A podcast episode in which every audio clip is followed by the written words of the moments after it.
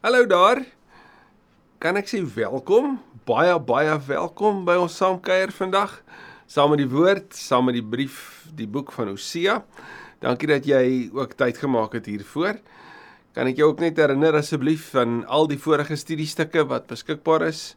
As jy nou eers dalk deur iemand hierheen gestuur is of dalk toevallig hierop gekom het, ons glo ons nie aan toevalligheid nie, want toeval die lig. Onthou op ons YouTube kanaal is al die ander vorige Bybelstudies onder ons playlist beskikbaar en as jy daaruit ook vir my e-pos stuur, dan sal ek graag ook daai notas vir jou verskaf. En ons wil baie graag dit wat ons hier doen deel. As dit vir jou goed is en vir jou tot seën was, dan wil ons jou regtig aanmoedig deel dit met ander en weet ook asseblief dat ons jou aanmoedig in jou wandel met die Here om ook lig te skyn daar waar jy dit ook is. Die mense in jou lewe wat jy het om hulle te beraak met die met die Jesus lewe, met die liefde van die Here. Soos wat ons dit ook sien in Hosea. Verlede week was 'n merkwaardige hoofstuk, nie waar nie? Hoofstuk 11, hierdie hoofstuk wat anders as die vorige hoofstukke wat baie huwelikstaal gebruik het, uh fokus het op ouerskap. En die Here sê wat dat hy vir Efraim leer loop het, dat hy Efraim in sy hande gedra het, dat hy oor Efraim ontferm het, maar Efraim hulle rug op die Here gedraai het. Ek bedoel, dit is dit is so tragies. En dan sê hy wel, jy het jou rug op my gedraai, dal jy's ek slaam met jou. En dan vers 8 en 9. Seker twee van die mees besonderse tekste in die boek van Hosea wat ons verbeelding moet aangryp en wanneer ons na die kruis van Christus kyk dan kan ons ook nie anders om sê maar dis presies wat wat Hosea 11 ook vir ons wys. God se liefde wat te sterk brand. Want die Here het gesê daarin, "Hoe kan ek jou prys gee? Hoe kan ek jou laat gaan? My liefde vir jou brand te sterk."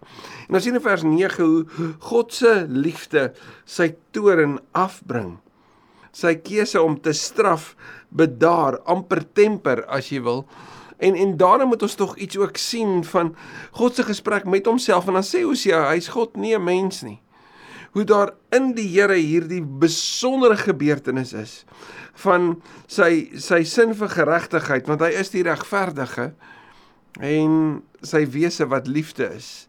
En hoe hierdie twee natuurlik Johannes 1:14 genade en waarheid in Christus mekaar ontmoet, maar hoe God se liefde ook sy toorn in bedwang bring en en hoe dit vir jou en my genade tyd ook moet aankondig dat die Here nie op ons opgee nie. Nie vandag nie, nooit nie. Tot die dag wanneer Christus kom, wanneer die finale kans verby is, wanneer die tyd van amnestie in hierdie rebellie teen die koning verby is, het ons nog 'n geleentheid, soos 2 Petrus 3 ook sê. Hy wil nie dat iemand verlore gaan nie, mag ons dit ook aangryp vandag. Kom ons bid. Vader, dankie vir u woord. Dankie vir die besondere waarde wat u woord in ons lewe het. Nie net as waarde nie, maar as lewensrigting, as kompas, as as vormer in ons lewe en deur ons lewe. Dankie vir die waarheid hiervan. Kom en doen wat net u kan. Ons bid dit in afhanklikheid van u in Jesus se naam. Amen. Hosea 12 vers 1. Efraim bedrieg my. Israel is vals teenoor my en en Efraim wat 30 keer verskyn in hierdie besondere boek en Israel is natuurlik twee sinonieme van mekaar want die een verwys na die ander een en in die besonder Israel wat dan nou verwys na is ag ag Efraim wat verwys na Israel Israel is vas teenoor my en hoe? Juda is nog altyd wispelturig in sy diens aan my maar hy's getrou aan die afgode en hier die beskrywing van van Israel en Juda is 'n ander manier om te praat van die noordryk en die suidryk. Dis die kollektief. En die Here sê julle is wispelturig, julle beweeg naby en ver, naby en ver. Maar as dit kom by julle afgode, is julle so getrou en die Here het gesê dan moenie afgode wees nie. En die die hartseer is dat ons ook in ons lewe getrou kan wees aan dit wat nie belangrik is nie. En dit wat waardeloos is. Trouwens dit wat nie is wat God vir ons wil wees nie. Maar teenoor hom is ons wispelturig. Is ons warm en koud en warm en koud naby en ver, naby en ver. En die Here sê dis leuns, dis bedriegery. Efraim hou hom op met wind. Hy is aldag agter die ooste wind aan. Nou wind beteken niks, nê? Nee? Wind is het, het geen waarde nie en tog hou hy hom op daarmee. En om te sê hy's aldag besig met die ooste wind, want na die ooste van Israel toe was die Assiriërs en bietjie suidoos die Egiptenare. So julle hou julleself daarmee besig in plaas van met my. Gaan kyk bietjie 2 Koning 17 hieroor. Hy hou hom met lieg, hy hou aan met lieg, ekskuus, om sy eie ondergang te bewerk. Hy sluit 'n verbond met Assirië, maar stuur olie na Egipte toe.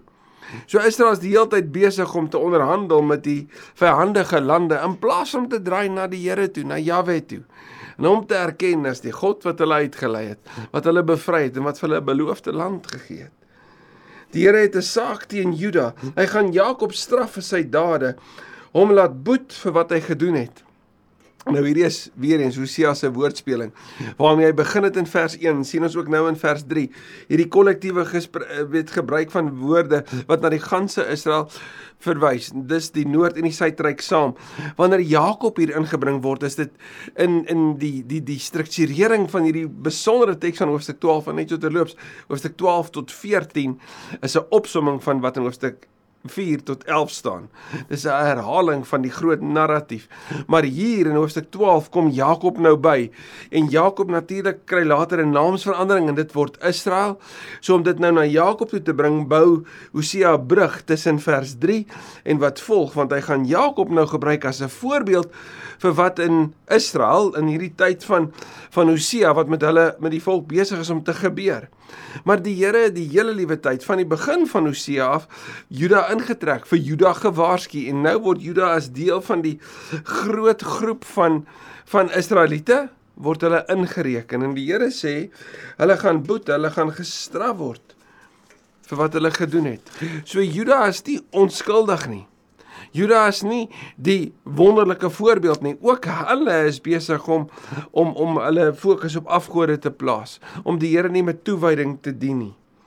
Nog voor sy geboorte, en dis nou fokus op Jakob, het hy as sy broer onderkruip en as volwasse man het hy met God gestoei. So eerste Jakob en Esau se storie van Genesis 25. En kyk mooi die kronologie wat Hosea gebruik. Hy gebruik dit net soos in Genesis en dan skielik dan maak hy 'n draai. Kyk mooi. Eerstens Genesis 25 sy geboorte en dan die stoei met God met die engel daar in Genesis 32. En ek weet Jakob is die is die vader van die 12 seuns waar die 12 stamme gekom het. So om met Jakob oor as voorbeeld te gebruik, is natuurlik die ganse 12 stamme, hierdie stamme wat nou verdeel het in 10 en 2. Jakob het met 'n engel gestoei en gewen. Jakob het gehuil, dis natuurlik Genesis 32. Jakob het gehuil en van God hulp verwag, dis Genesis 33. En jy sê kon ek okay, maar wat maak hy nou? Die volgende vers. By Bethel sal hy ons ontmoet. Daar sal hy met ons praat. Nou dis Genesis 5:28, ekskuus. So hy bou dit kronologies en dan skielik vat hy iets wat vroeër gebeur het en hy sê dit aan die einde. Hoekom? Want dis die fokus. Want ons het nou al vroeër gesien hoe hoe sien hy hierdie hierdie woord Bethel gebruik en dan as 'n teenvoeter daarvan of as 'n hartseer alternatief gebruik hy die woord Bethaven. Bethaven die huis van skandelikheid wat staan teenoor Bethel, die huis van God. So Jakob het met sy gebrokenheid en sy foute en sy bedriegery tog by 'n plek gekom waar hy God ontmoet het, waar hy met die Here gestoei het, waar hy Bethel beleef het, die die kontak met die Here. En die Here wat hom gehelp het toe hy gaan huil het vir sy broer Esau, toe hy daar in Genesis 33 vir hom wou kom sê jy maar ek is so jammer waarin hy angstig was oor wat sou gebeur het en hoe Esau genadig was teenoor hom, nê? Nee? Gaan lees gerus weer die verhaal vers 6 die Here is die almagtige God. Die Here sal onthou. Nou die hierdie beskrywing van God kry ons op alternatiewe plekke in die Ou Testament, maar ons kry dit nie in Genesis nie. Hierdie naamlik dat die dat dit die Here is en dat hy die almagtige God is nie. Maar wat ons hoor is dat hy onthou. En die Here wat onthou is natuurlik die Here wat ook sy verbond onthou.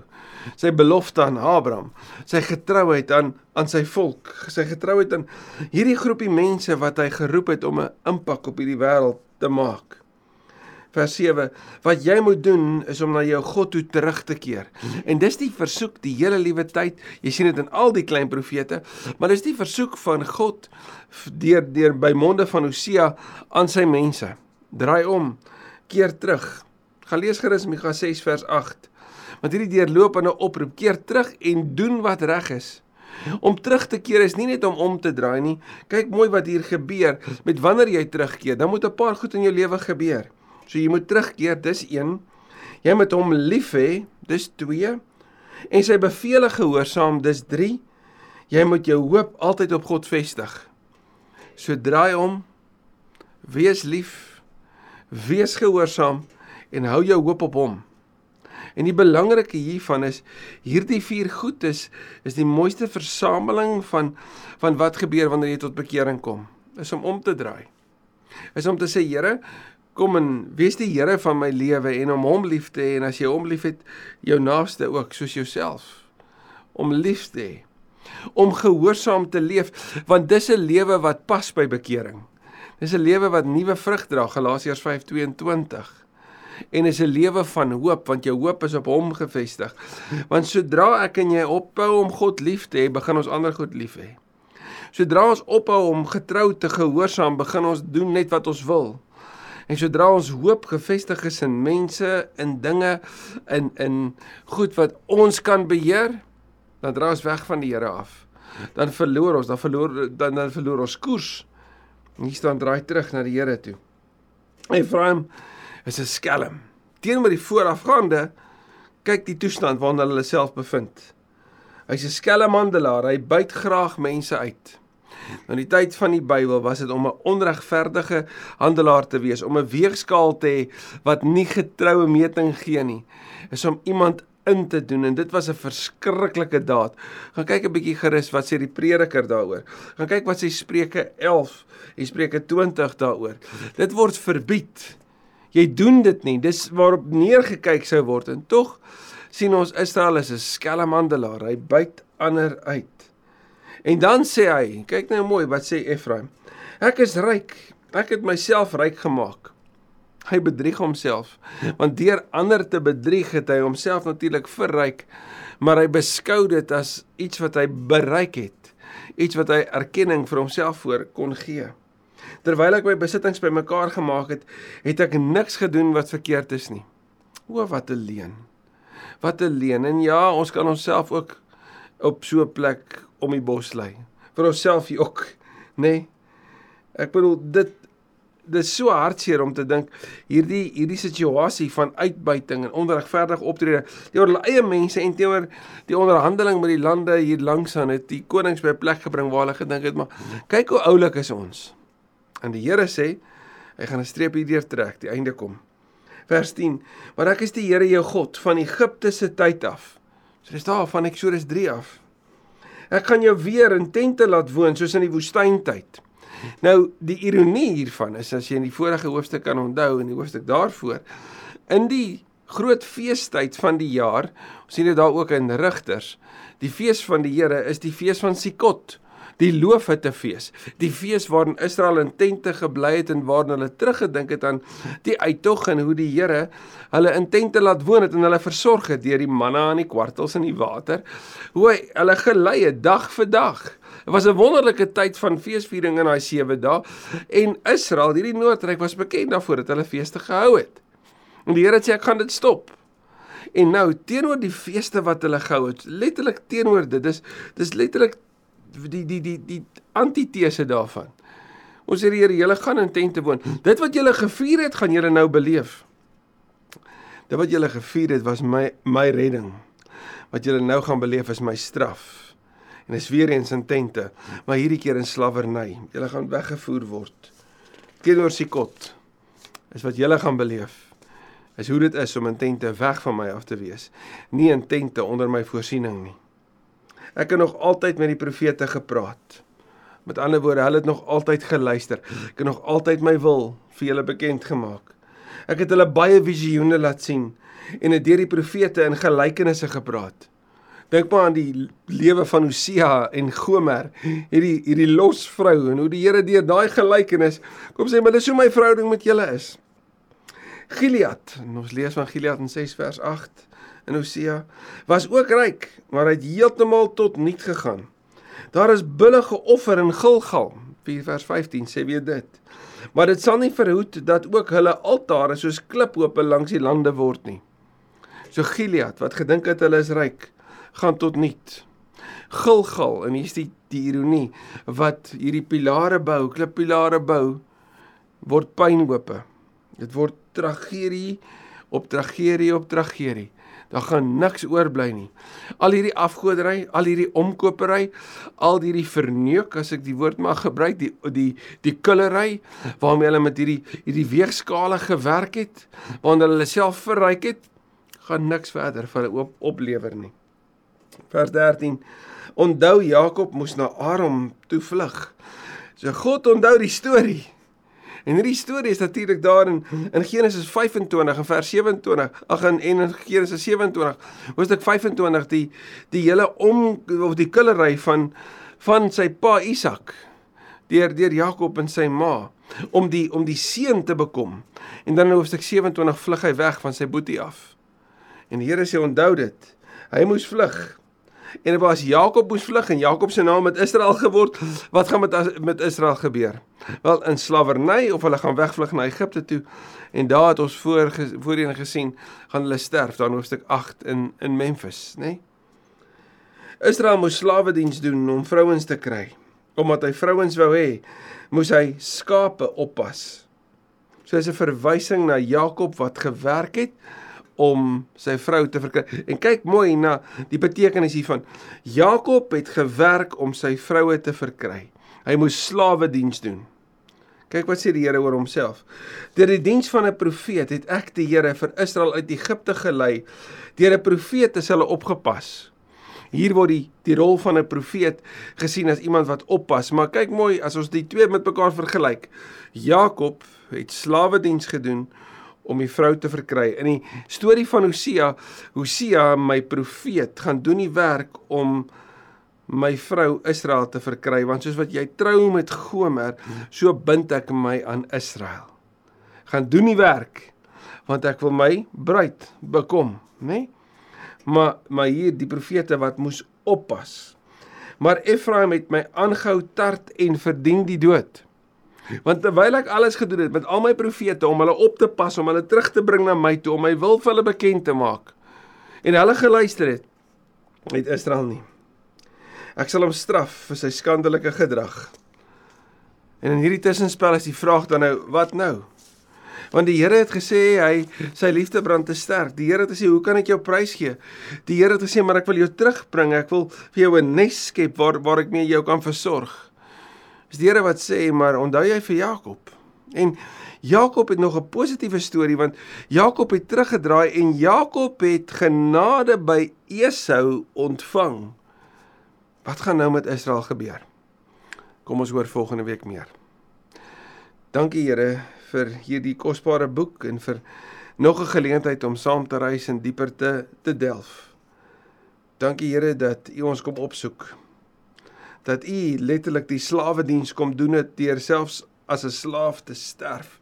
Ja, laer as 'n slaaf van 'n kruis om ons vry te koop sodat ons kinders van God kan wees, sodat ons die bruid van die bruidegom kan wees. Mag ons antwoord daarop met ons lewens deur terug te draai, deur ons liefde te verklaar, deur gehoorsaam te wees en deur ons hoop op U te plaas in Jesus se naam. Amen. Ek hoop jy het 'n baie baie mooi dag en pas jou op.